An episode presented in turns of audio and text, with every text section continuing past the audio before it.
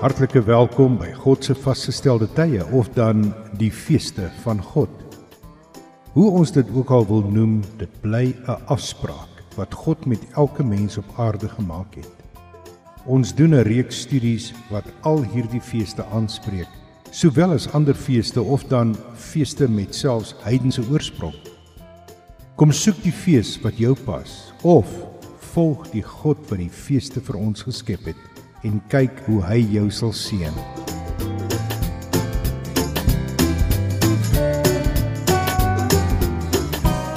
Vandag behandel ons deel 2 van die vasgestelde tye. Besag of soos sommige mense dit mag noem, Pasga.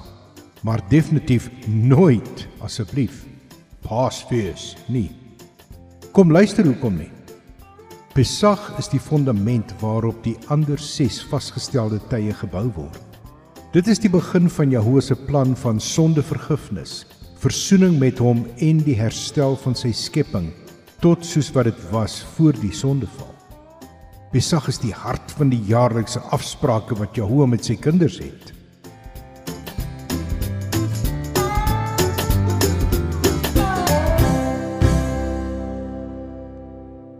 Ons sien in Wejeka 23 verse 1 en 2.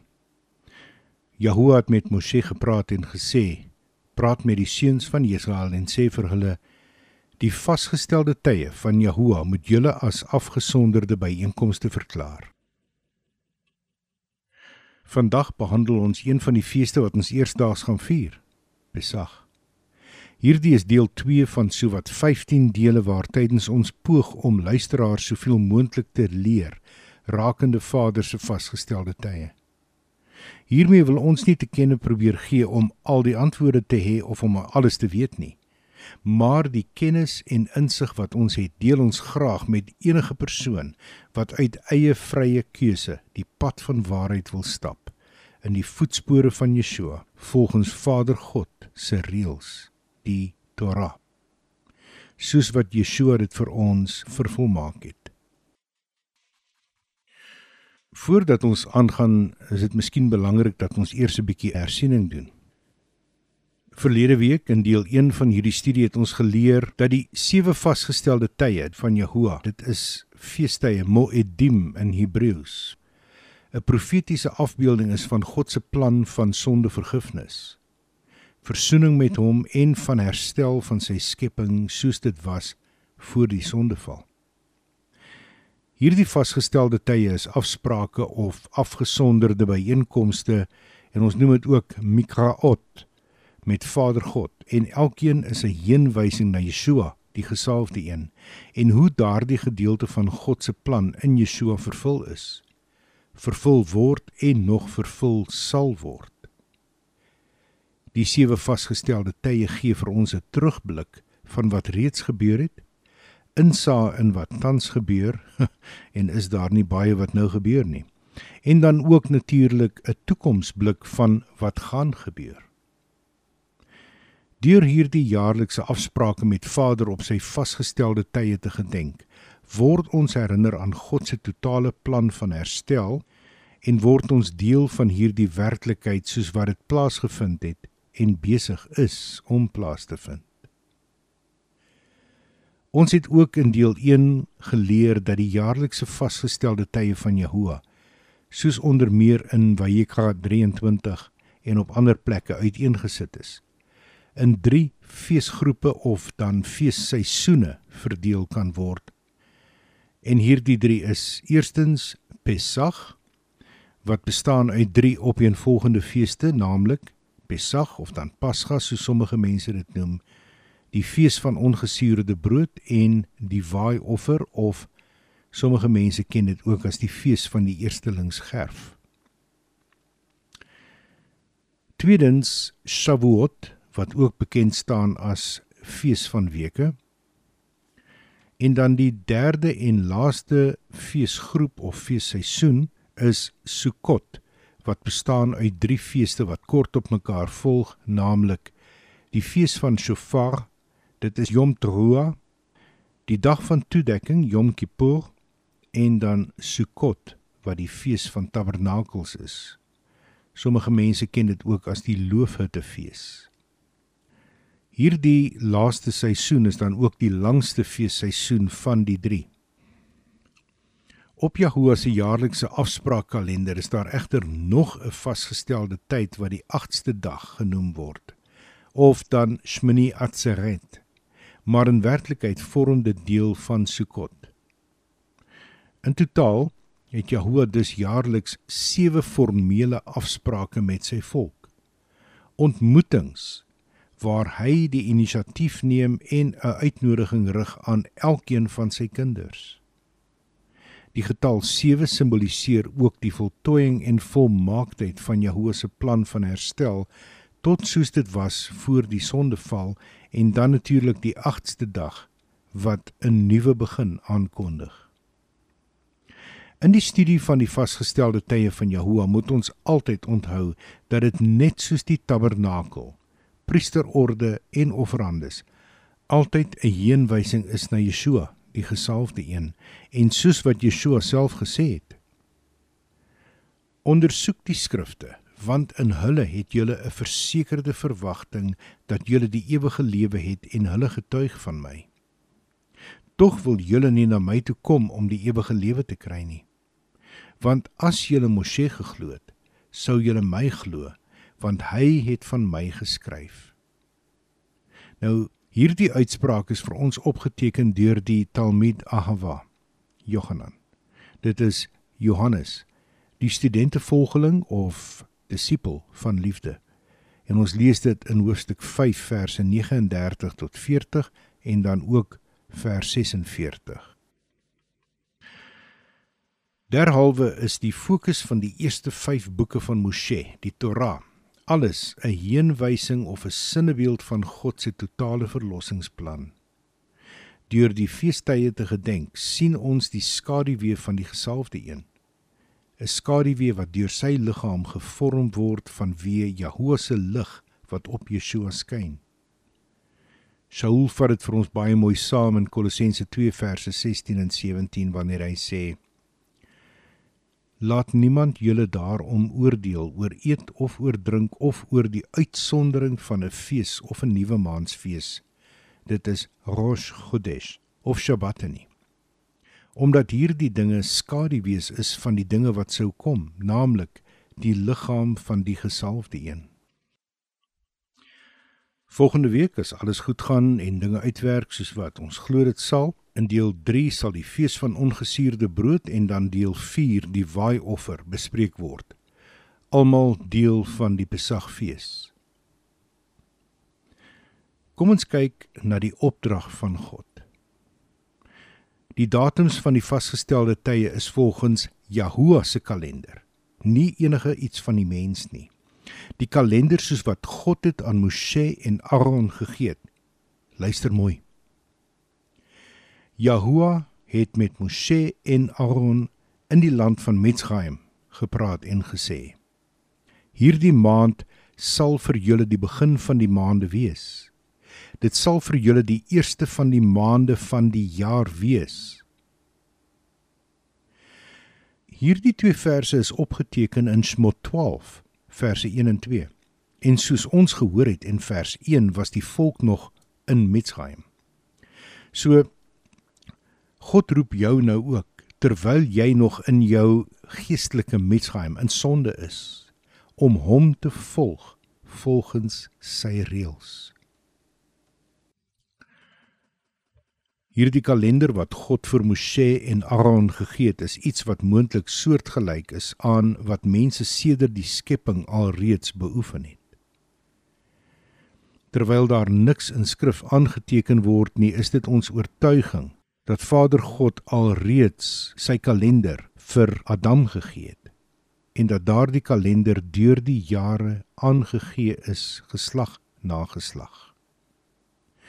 Moshe het dus nie noodwendig iets nuuts geleer nie, maar hy het bevestiging by God gekry en die verandering wat God aangebring het vir sy volk om hulle af te sonder. Hierdie kalender is dus gegrond op die siklus van die maan om die aarde en is ook dan 'n maankalender. Maar die siklus van die son en die sterre as ook die landboujaar, dit wil sê die oeste, word alles hierby in berekening gebring. En daarom kan die vasstelling van die begin van die nuwe jaar gemaak word deur die einde van die hele fees, al sewe feeste. Die verse wat ons sopas gelees het waar Jahoua vir Moshe en Aaron gesê het: Hierdie is my nuwe jaar. Die hele kalender word meer volledig bespreek in 'n artikel God se kalender. En dit kan afgelaai word by 'n skakel wat ons op ons webwerf plaas. God se kalender. Rabbynse Judaïsme volg egter ook 'n burgerlike kalender waar volgens die eerste maand, dit is Tishrei, die begin is van die sewende maand volgens God se kalender. In die tweede bylaag word dan ook die verskille aangedui tussen God se kalender, die burgerlike kalender van Judaïsme en die Gregoriese kalender. Ons gaan ons bes probeer om hierdie vir ons luisteraars korrek uiteen te sit, sover moontlik. Maar dit is juis ook vir hierdie rede dat ons hierdie hele artikel, die drukstuk se skakel beskikbaar sal hê op ons webwerf www.silvertrumpet.life onder Afrikaans en dan bronne. Beweeg dan aan na feestydde van God en alternatief is al hierdie artikels wat ons bespreek ook beskikbaar op 'n webwerf genaamd nuwelied.info. God se nuwe jaar volgens Shemot 12 verse 1 en 2 begin in die lente van die noordelike halfrond en die eerste maand is bekend as Aviv. Daar word ook gepraat van die maand van die Aviv, omdat Aviv bloot beteken rypwording. Dis wanneer die garsoortjies begin groen raak. Pesach is die eerste van die drie feesgroepe soos ons net nou genoem het of dan die feesseisoene en dit word gedurende die maand van Aviv gedenk. Soos reeds genoem behels dit die dag van Pesach, die fees van ongesuurde brode en die waaiofferfees of die fees van die eerstelingsgerf en dit is 'n aaneenlopende 7 dag fees. Daar word ook na die dag van Pesach verwys as die eerste dag van die verwydering van suurdeeg soos wat ons kan sien Markus vir ons beskryf in hoofstuk 14 vers 12. Die opdrag vir hierdie drie feeste vind ons in Vayikra 23 verse 4 tot 11. Kom ons luister. Hierdie in vers 4 is die vasgestelde tye van Jahoua. Afgesonderde byeenkomste wat julle moet verklaar in die tye wat vir hulle bepaal is.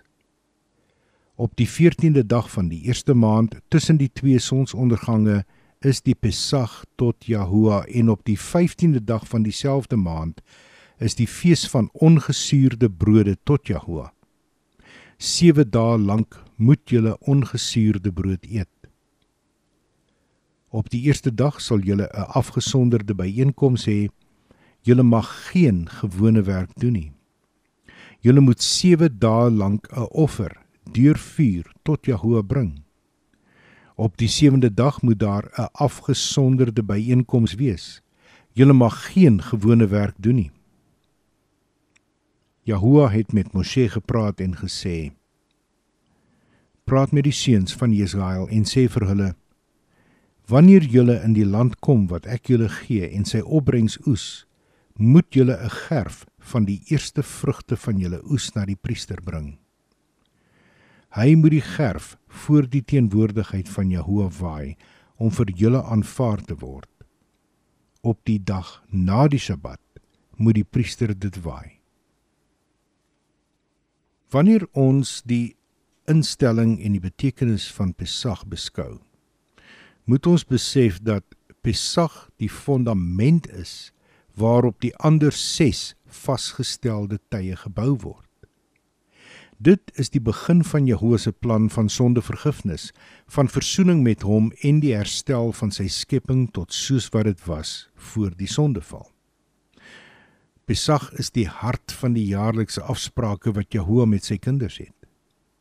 Daarom is dit dan ook uiters belangrik om die doel en die betekenis van hierdie vasgestelde tyd te kan verstaan en dit op 'n gepaste wyse te gedenk.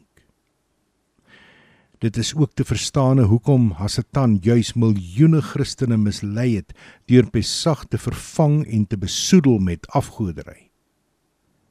Ons moet derhalwe duidelike onderskeid maak tussen Pesach en wat mense noem Paasfees of Easter, want hierdie is twee verskillende feeste. Paasfees, net soos Kersfees, het 'n heidense oorsprong. Die misleiding van Paasfees of Easter word in deel 13 van hierdie reeks artikels bespreek. Met vergunning en toestemming van Vader sal ons dit wel ook uitsaai op die bepaalde tyd. Volgens Vayikra 23 vers 5 moet Pesach op die 14de dag van die eerste maand gedenk word. Ons sien al reeds in Shmot 12 verse 3 tot 14 dat die instelling van Pesach op die vooraand van die uittog van Israel uit Mitzrayim beskryf word. Nadat Jahoua vir Moshe en Aaron die opdrag oor die begin van die maande van die jaar gegee het, soos wat ons vroeër gesien het in Shmot 12 verse 1 en 2, het God ook beveel dat elkeen op die 10de van die eerste maand 'n jaar oud lam sonder gebrek per huisgesin moet inneem en dit in bewaring moet hou tot die 14de dag. En dan teen die aand, dit wil sê laat namiddag of kort voor sononder, moet dit geslag word. Gaan kyk gerus na Shmot 12 verse 3 tot 6 en hou in gedagte asseblief dat volgens die skrif begin en eindig 'n dag teen sononder. Bereshit 1 verduidelik dit baie mooi. Met 'n bossie hysop het hulle dan die bloed van hierdie geslagte lam aan die deurposte en aan die boekusyn van hulle huise gesmeer as 'n teken. En daardie teken kan ons sien in Shmot 12 vers 7, vers 13, vers 22 en vers 23 en ook van hulle vertroue in God se reddende onverdiende guns. Verder het Jahoua ook beveel dat hulle die vleis in dieselfde nag moet eet, met ander woorde gedurende die nag van die 15de. Onthou hierdie is op die middag van die 14de geslag, son onder begin die nuwe dag dan die 15de. So dus die begin van die eerste dag van ongesuurde brood val op die 15de nadat dit oor die vuur gebraai is.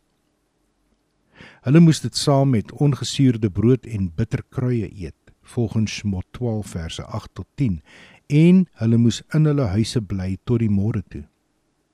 Shmot 12 vers 22.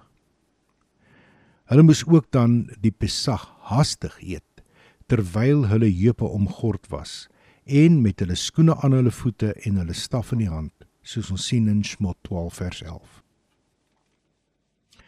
Hierdie opdragte het Jesrael in vertroue uitgevoer. Hulle het geglo in die God van Abraham, Jitskak en Jakob en hulle het geglo dat Moshe die profeet van God is. Deur hierdie vertroue en gehoorsaamheid is Jesrael bewaar van die 10de plaag wat Mitsgaim getref het, naamlik die dood van die eersgeborenes. Die geslagte lam en die bloed van die lam was hulle beskerming en die waarborg tot bevryding van die Mitsgaimitiese slawejuk. Hierdie bestemde tyd moes as gedenkdag vir ewig gevier word soos bevestig word in Shmot 12 verse 14 en 42. Kom ons kyk na vers 14. Hierdie dag sal vir julle 'n gedenkdag wees en julle moet dit as 'n fees tot eer van Jehovah vier reg deur julle geslagte. Julle moet dit hou as 'n ewige vasgestelde tyd. In vers 42 lees ons Dit is 'n nag van herinnering tot eer van Jahoua omdat hy hulle uit Mitsraim uitgebring het. Dit is die nag van Jahoua, 'n vasgestelde tyd om onderhou te word deur al die seuns van Jesgaal in hulle geslagte. Op die 14de dag van die eerste maand Aviv het Jahoua dus 'n afspraak gemaak wat jaarliks nagekom moet word vir ewig. Hierdie eerste afspraak in Mitsgaim was nie net die bevryding van Jesrael van die Mitsgaimitiese slawejuk nie, maar ook die sinnebeeld en heenwysing van die bevryding van die slawejuk van sonde vir elkeen van ons wat glo in die ware Pesach lam, Yeshua, die gesalfde een wat sou kom. Dit word vir ons pragtig beskryf in Johannes 1 vers 29 en 36 en dan ook in 1 Kefa 1 verse 19 tot 21.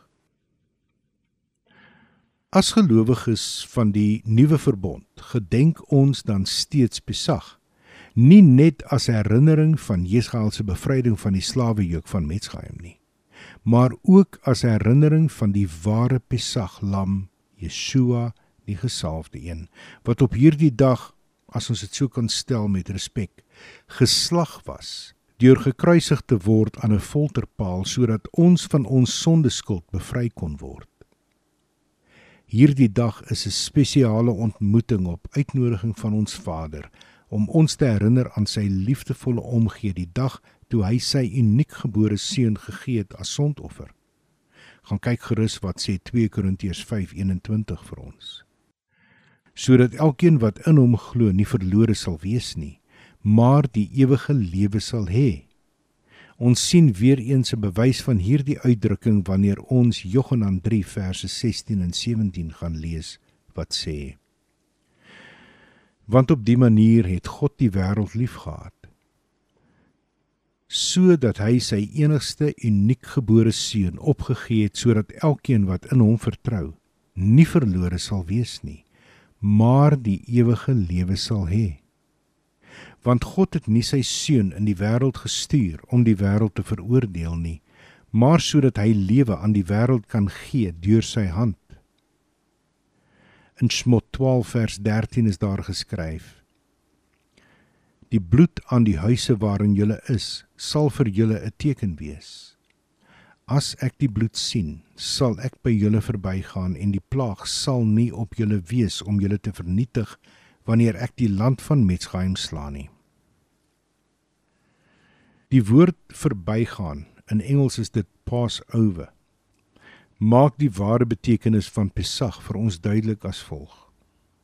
Eerstens, dit beskryf nie net die aksie van om verby te gaan of om oor iets te gaan nie, maar dit beteken om te beskerm op dieselfde wyse as wat 'n hen haar vlerke oor haar kuikens uitsprei om hulle te beskerm.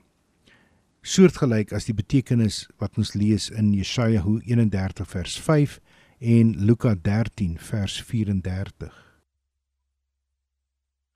Tweedens was daar midde in Jehovah se oordeel ook sy liefdevolle beskerming en verlossing vir die gelowige en gehoorsame Jesgaeliet. Hierdie is een van die belangrike hoedanighede van God se karakter naamlik dat hy 'n God is van liefde en onverdiende guns, maar ook van oordeel. Vertroue in die voorsiening van Jahoua in die vorm van die geslagte lam was dus hulle redding en beskerming.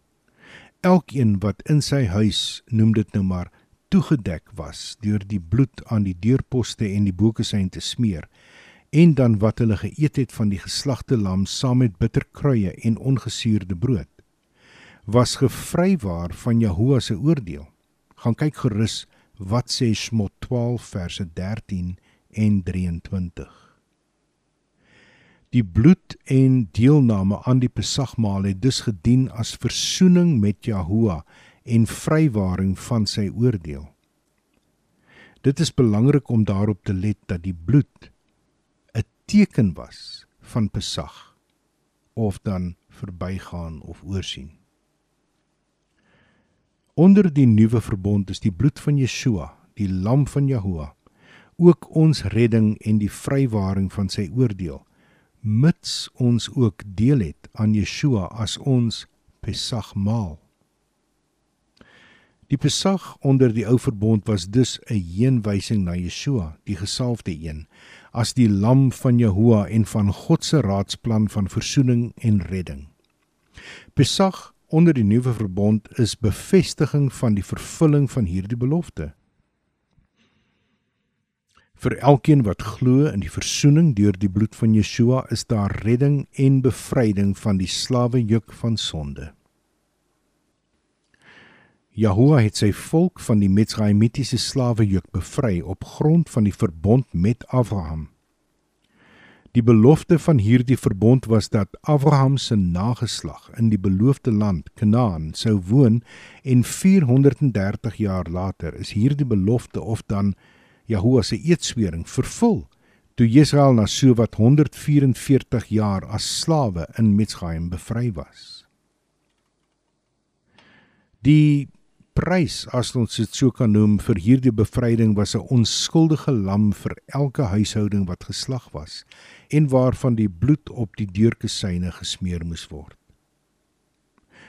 Elke lam op die vooraand van die uittog uit Mitsraim wat geslag was, as ook elke lam wat daarna ter viering van Pesach geslag was, het heen gewys na die ware lam van Jahoua wat vir ons sondes gesterf het en wie se bloed die prys was vir bevryding van die sondejuk vir elkeen wat in hom vertrou. Hoor wat sê Kefa vir ons hieromtrent in 1 Kefa 1 verse 17 tot 21. As julle heel op hom as Vader beroep wat onpartydig oordeel volgens elkeen se dade Leef dan in respekvolle vrees gedurende die tyd wat julle vreemdelinge is, omdat julle weet dat julle nie deur verganklike dinge, silwer of goud, losgekoop is uit julle leedade wat tradisioneel deur die vaders oorgedra is nie, maar deur die kosbare bloed van die lam waarin geen gebrek of vlek is nie, wat die gesalfde een is, wat wel voor die tyd hiervoor aangestel is voor die vorming van die wêreld, maar in hierdie laaste tye openbaar is om julle ontwil. Julle wat deur hom in God wat hom uit die dood uit opgewek en aan hom eer, lof en goedheid gegee het, vertrou het sodat julle vertroue en versekerde verwagting in God kan wees. Yeshua die gesalfde een is ons besag lam wat vir ons geslag is. En dit word beskryf in Johannes 1 verse 28 en 29 en dan ook weer in 1 Korintiërs 5 vers 7. Hy is die eenmalige offer wat alle sonde wegneem volgens Hebreërs 10 vers 11 en 12 van elkeen wat vertrou in die kosbare bloed van die lam van God tot wedergeboorte. Die instelling van die Pesach was as 'n nuwe begin vir Jesgaal beskou. Dit was nie net beskou as die bevryding van die slawejuk van Metsgaim nie, maar ook as die begin van 'n tydperk waar Jahoua op 'n nuwe wyse homself aan Jesgaal openbaar het. Wedergeboorte is ook 'n nuwe begin in elkeen van ons se lewens. Dit is die begin van 'n geloofswandel in Yeshua van Torah gehoorsaamheid en waar Jahoua as Vader homself deur sy gees openbaar. Die Israeliete moes die Pesag in hulle huise eet met hulle heupe omgord, skoene aan hulle voete en hulle staf in land. Dit beteken hulle moes gereed wees om Metsgaim te verlaat. Hierdie is 'n afbeelding van hoe elke gelowige onder die nuwe verbond moet lewe. Eerstens, Ons is bevry van die slawejuk van sonde en tweedens moet ons daagliks dan in vertroue lewe op 'n wyse dat ons gereed is om enige tyd ons aardse liggaam of dan ons aardse huis te verlaat. Ons gaan later probeer om vergelykings te tref tussen die Pesaglam wat geslag moes word aan die vooraan van Jesgaal se bevryding en dan ook die lam van God. Kom ons kyk bietjie na ons erfenis onder die nuwe verbond.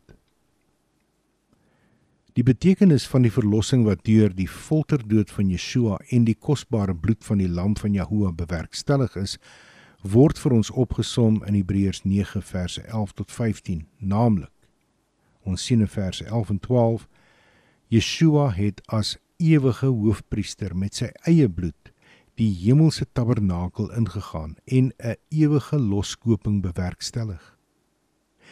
Geen verdere offer vir sonde is dus nodig nie. Wanneer ons kyk na vers 14 sien ons Die bloed van Yeshua reinig ons gewete van dooie werke. Hierdie dooie werke is die offers onder die ou verbond wat nooit ware sondevergifnis kon bewerkstellig nie. Want dit moes jaar na jaar plaasvind. Die onvermoë om Jahoua se Torah of dan die wet te onderhou was 'n skuld en gewetenslas weens skuldgevoelens en vrees vir die oordeel wat dit inhou. Die offers onder die ou verbond was 'n herinnering aan die sondes, want die bloed van diere kon nie sondes wegneem nie. Gaan kyk gerus wat sê Hebreërs 10 verse 3 en 4. Die kosbare bloed van Yeshua reinig ons egter van alle sonde en derhalwe ook van alle skuldgevoelens omrede ons weens vleeslike swakheid nie die geskrewe wet volkome kan gehoorsaam nie. In vers 15 sien ons die bloed van Yeshua het verlossing van die oortredinge onder die ou verbond bewerkstellig sodat ons die belofte van die ewige erfenis onder die nuwe verbond kan ontvang. Hierdie ewige erfenis word beskryf in Hebreërs 8 verse 10 tot 12, naamlik die eerste punt wat ons na kyk is dat Jahoua onderneem om sy wette, dit wil sê sy Torah, sy onderrig, sy instruksies in ons verstand te gee en dit ook op ons harte te skryf. Dit beteken dat ons aan ons hemelse Vader se wil gehoorsaam sal wees, want dit sal deel wees van ons innerlike mens, naamlik van ons gees en siel.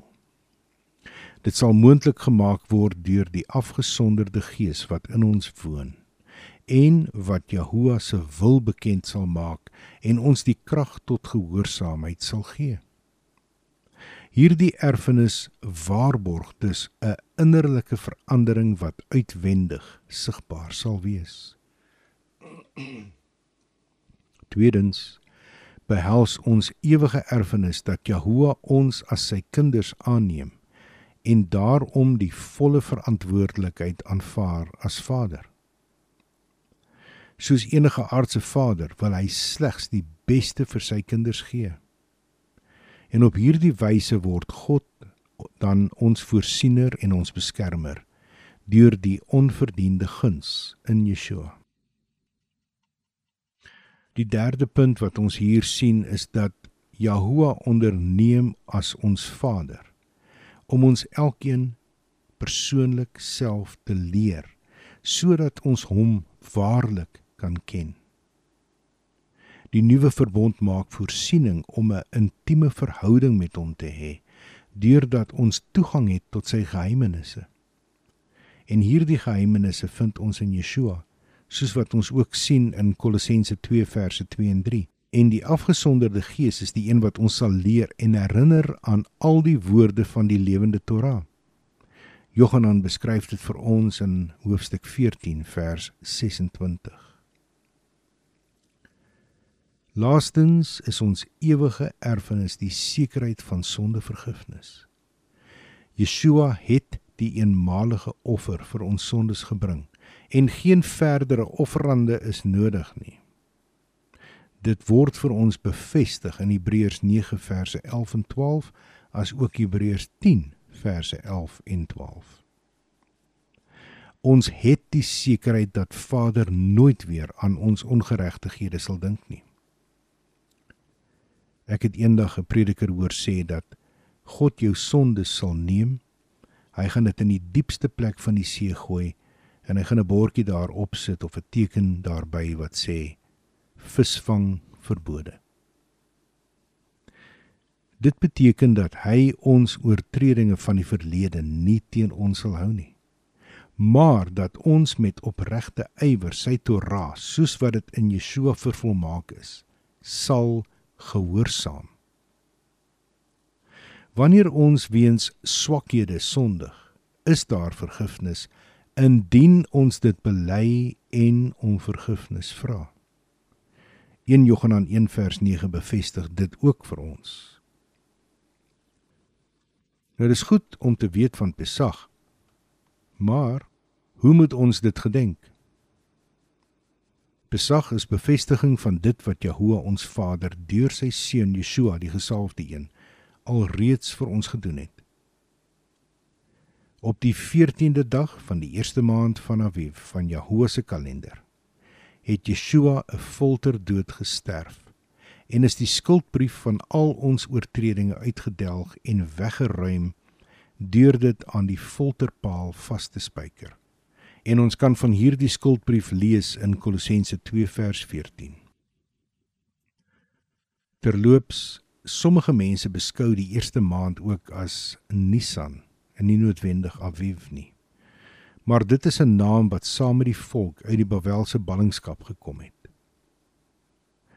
Ons is dus vry van die slawejuk van sonde en met Jahoua versoen deur die kosbare bloed van die lam, Yeshua die gesalfde een.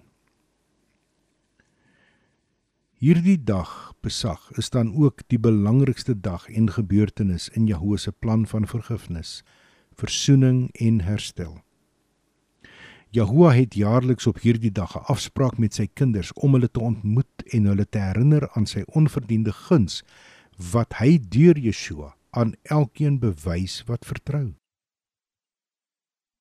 Daar is verskillende wyse hoe ons hierdie dag kan gedenk.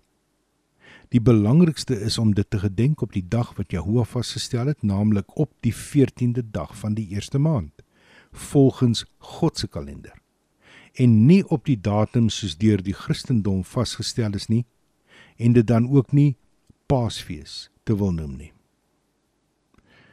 Talle gelowiges wat terugkeer tot hulle Hebreëse wortels vier Pesach op die gepaste wyse deur 'n Pesach maaltyd wat ook bekend is as 'n sedermaal te geniet as 'n gesin of dan saam met familie of vriende soos wat dit vir eeue alreeds gedoen word en ook soos dit in die tyd van Yeshua se eerste koms gedoen was.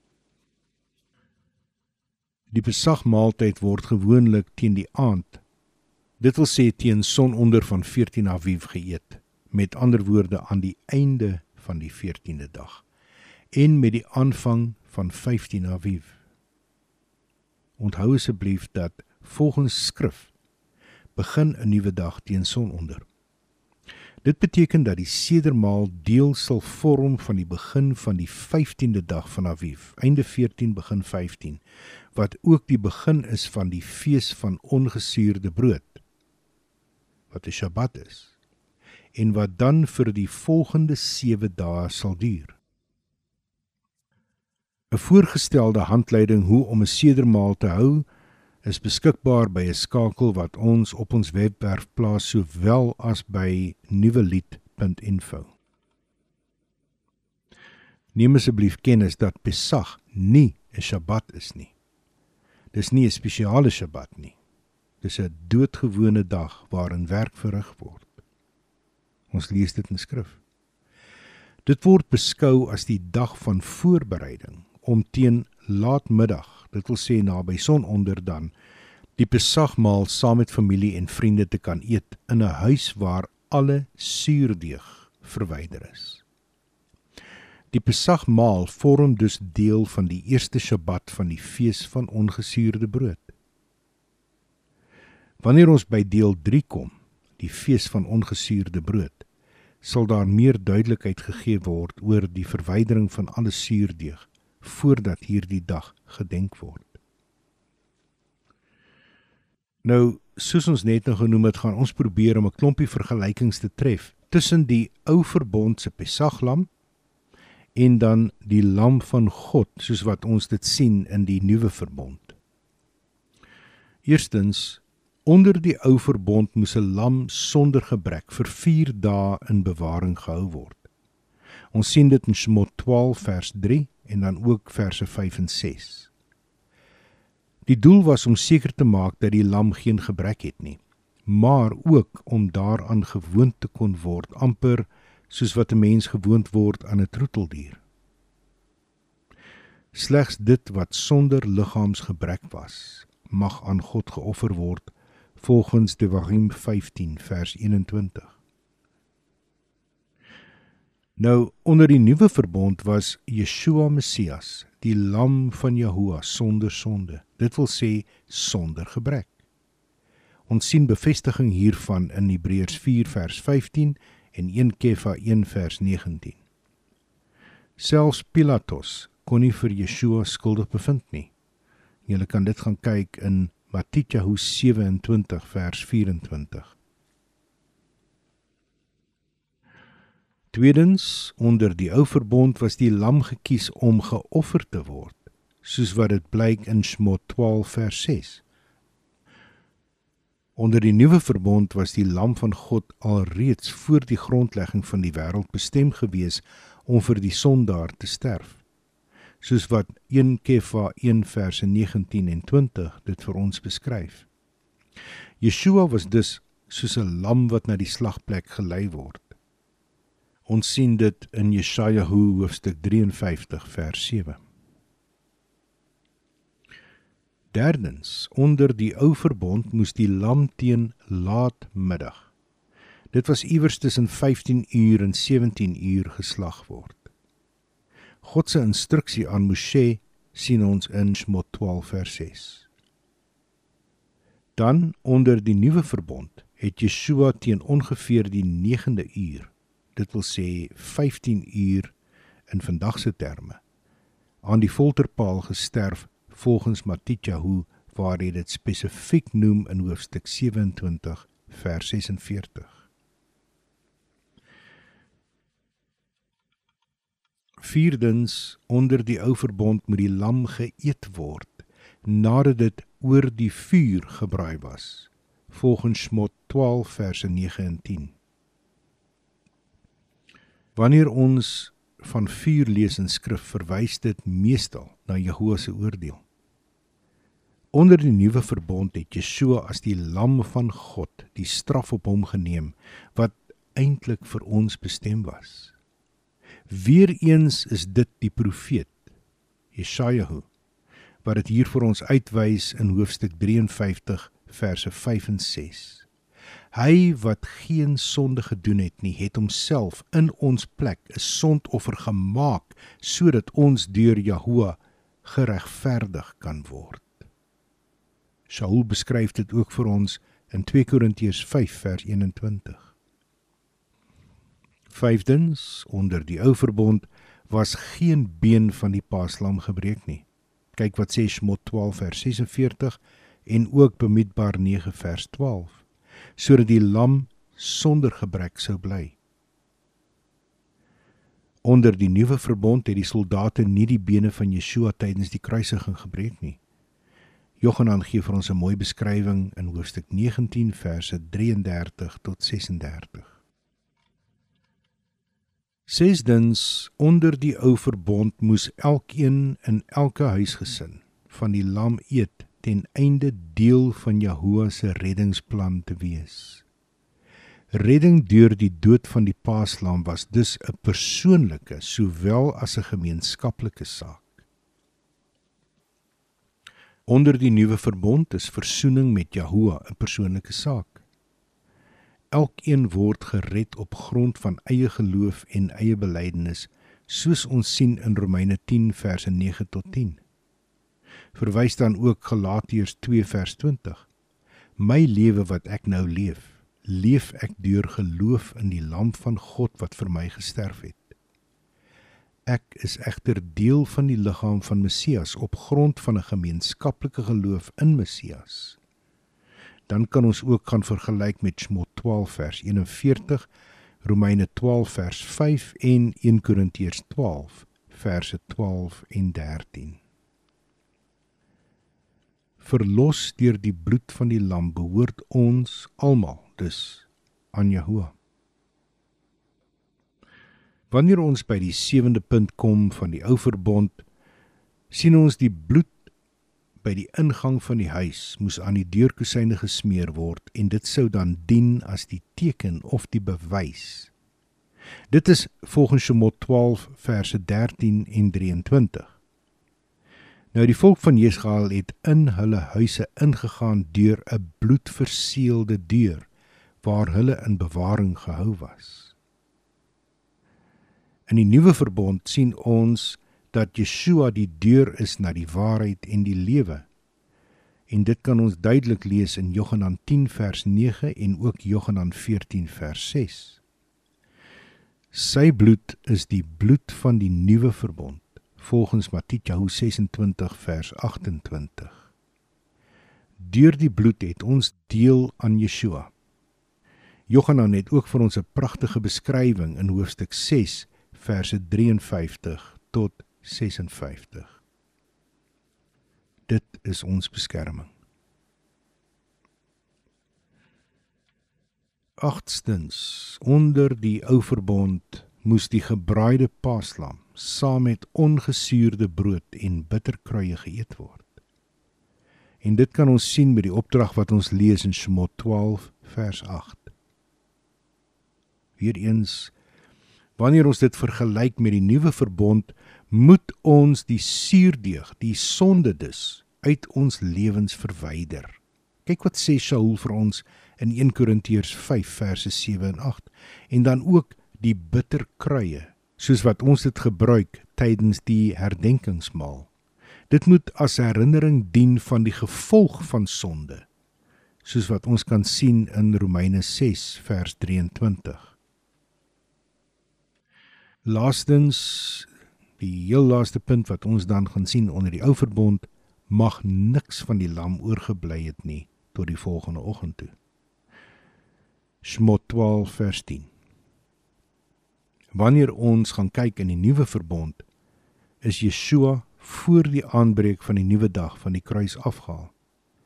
Johanan beskryf dit vir ons in hoofstuk 19 vers 31.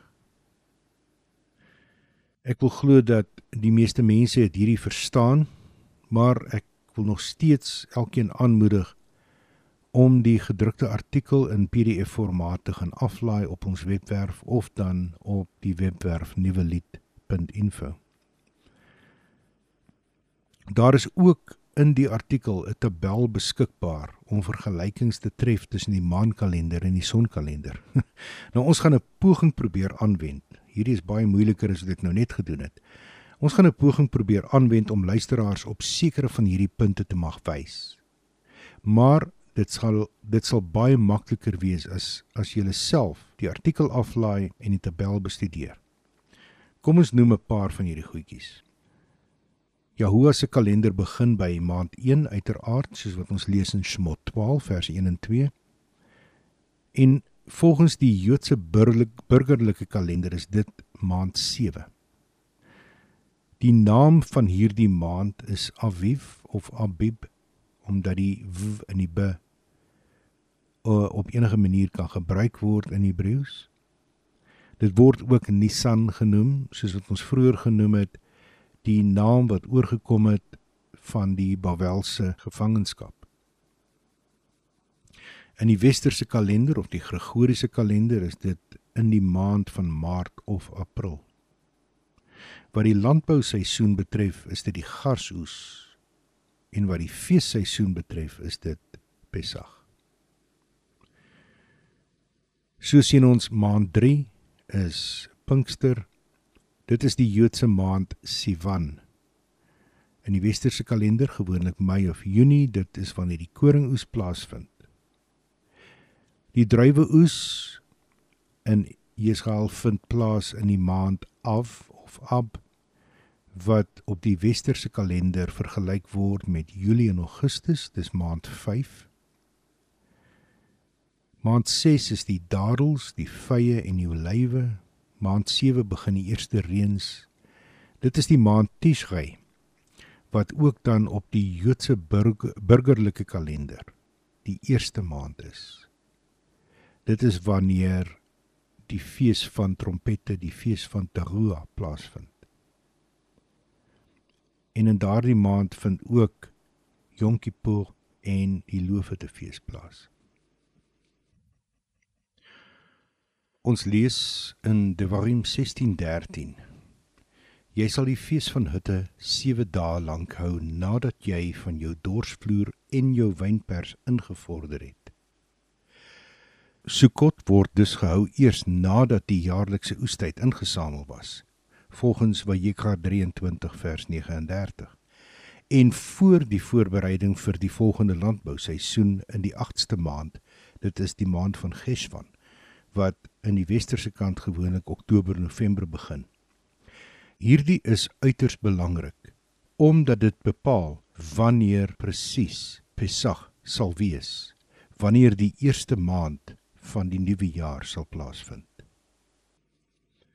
Maand 8 volgens Jahoua se kalender is die maand van ploeg. Dan word daar gereed gemaak vir die nuwe seisoen. Koring en gars word gesaai in die 9de maand en in die 10de maand die maand wat hulle noem te wet wat ons sou ken as Desember of Januarie is wanneer die winterreëns plaasvind. En dan begin alles van voor af. Laat ons dan hiermee afsluit deur op te som. God se kalender word vasgestel volgens die beweging van die maan om die aarde. Dis die primêre teken waarna gekyk word. Ons weet die maan neem ongeveer 29,5. Dit is eintlik 29,530589 dae om 'n volledige sirkel te voltooi om die aarde. Wanneer ons dus na 'n maanjaar kyk, sal ons sien dit neem 354 dae, 8 uur 48,54 minute. 'n Dag in God se kalender bevat ook 24 uur, maar 'n nuwe dag begin teen sononder wat ons uitwerk op ongeveer 18 uur, dit wil sê 6 uur namiddag. En dit is op grond van Bereshit 1 verse 5 en 8 en 13 en 'n klompie ander. God se kalender neem egter ook die son en die planete in ag, sowel as die seisoene vir spesifieke gewasse in die landbou. God se kalender verskil baie min van die huidige Joodse burgerlike kalender behalwe dat dit 6 maande uit is met mekaar. En dat laasgenoemde, dit wil sê die Joodse burgerlike kalender gebaseer is op die antieke kalender van Babel en Kanaan, so sommige van die name vir die maande bevestig kan word. Dit is dan juis die rede waarom God sy kalender verander het, soos wat ons lees in Shemot 12, om weg te breek van enige heidense kalenders. Wanneer ons kyk na die Gregoriese kalender, Gregorian calendar, dit wat tans gebruik word, Die manier waarop dit vasgestel word is slegs die beweging van die aarde om die son. Dus 12 maande is 365 dae, 5 uur en 46,069 minute. Dis 'n sonjaar. Hierdie kalender is dan ook gebaseer op die antieke Egiptiese sonkalender en in ongeveer 46 voor Yeshua het 'n man met die naam van Julius Caesar dit aangepas en dit was toegenoem die Julian kalender. En later weer toe moes een van die ander pouse sy stempeltjie afdruk Paus Gregory die 13de in die jaar 1582. En dit is waar die naam Gregoriese of Gregorian kalender vandaan kom. Hierdie kalender neem egter geen hemelliggame in ag nie, slegs die son. Dink bietjie daaroor. Ek gaan nou klaar maak. Maar ek het 'n vraag aan elke gelowige. Gegrond op hierdie inligting wat jy sopas ontvang het, rakende kalenders. Watter een sou jy graag wou volg? God se kalender of die mensgemaakte kalender? Wie wil jy graag tevrede stel en gehoorsaam? God of die mens?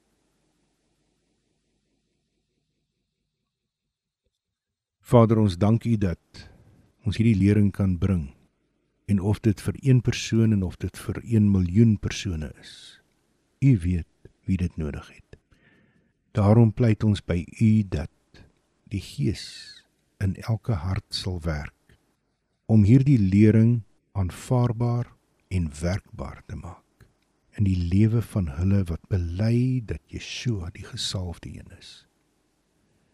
In wie se voetspore ons trap om sodoende ook God se Torah op elke manier te kan navolg. Ons prys U daarvoor en ons gee aan U lof en eer. Amen. Volgende week, die volgende fees. Mag julle 'n aangename Shabbat hê en leed rot.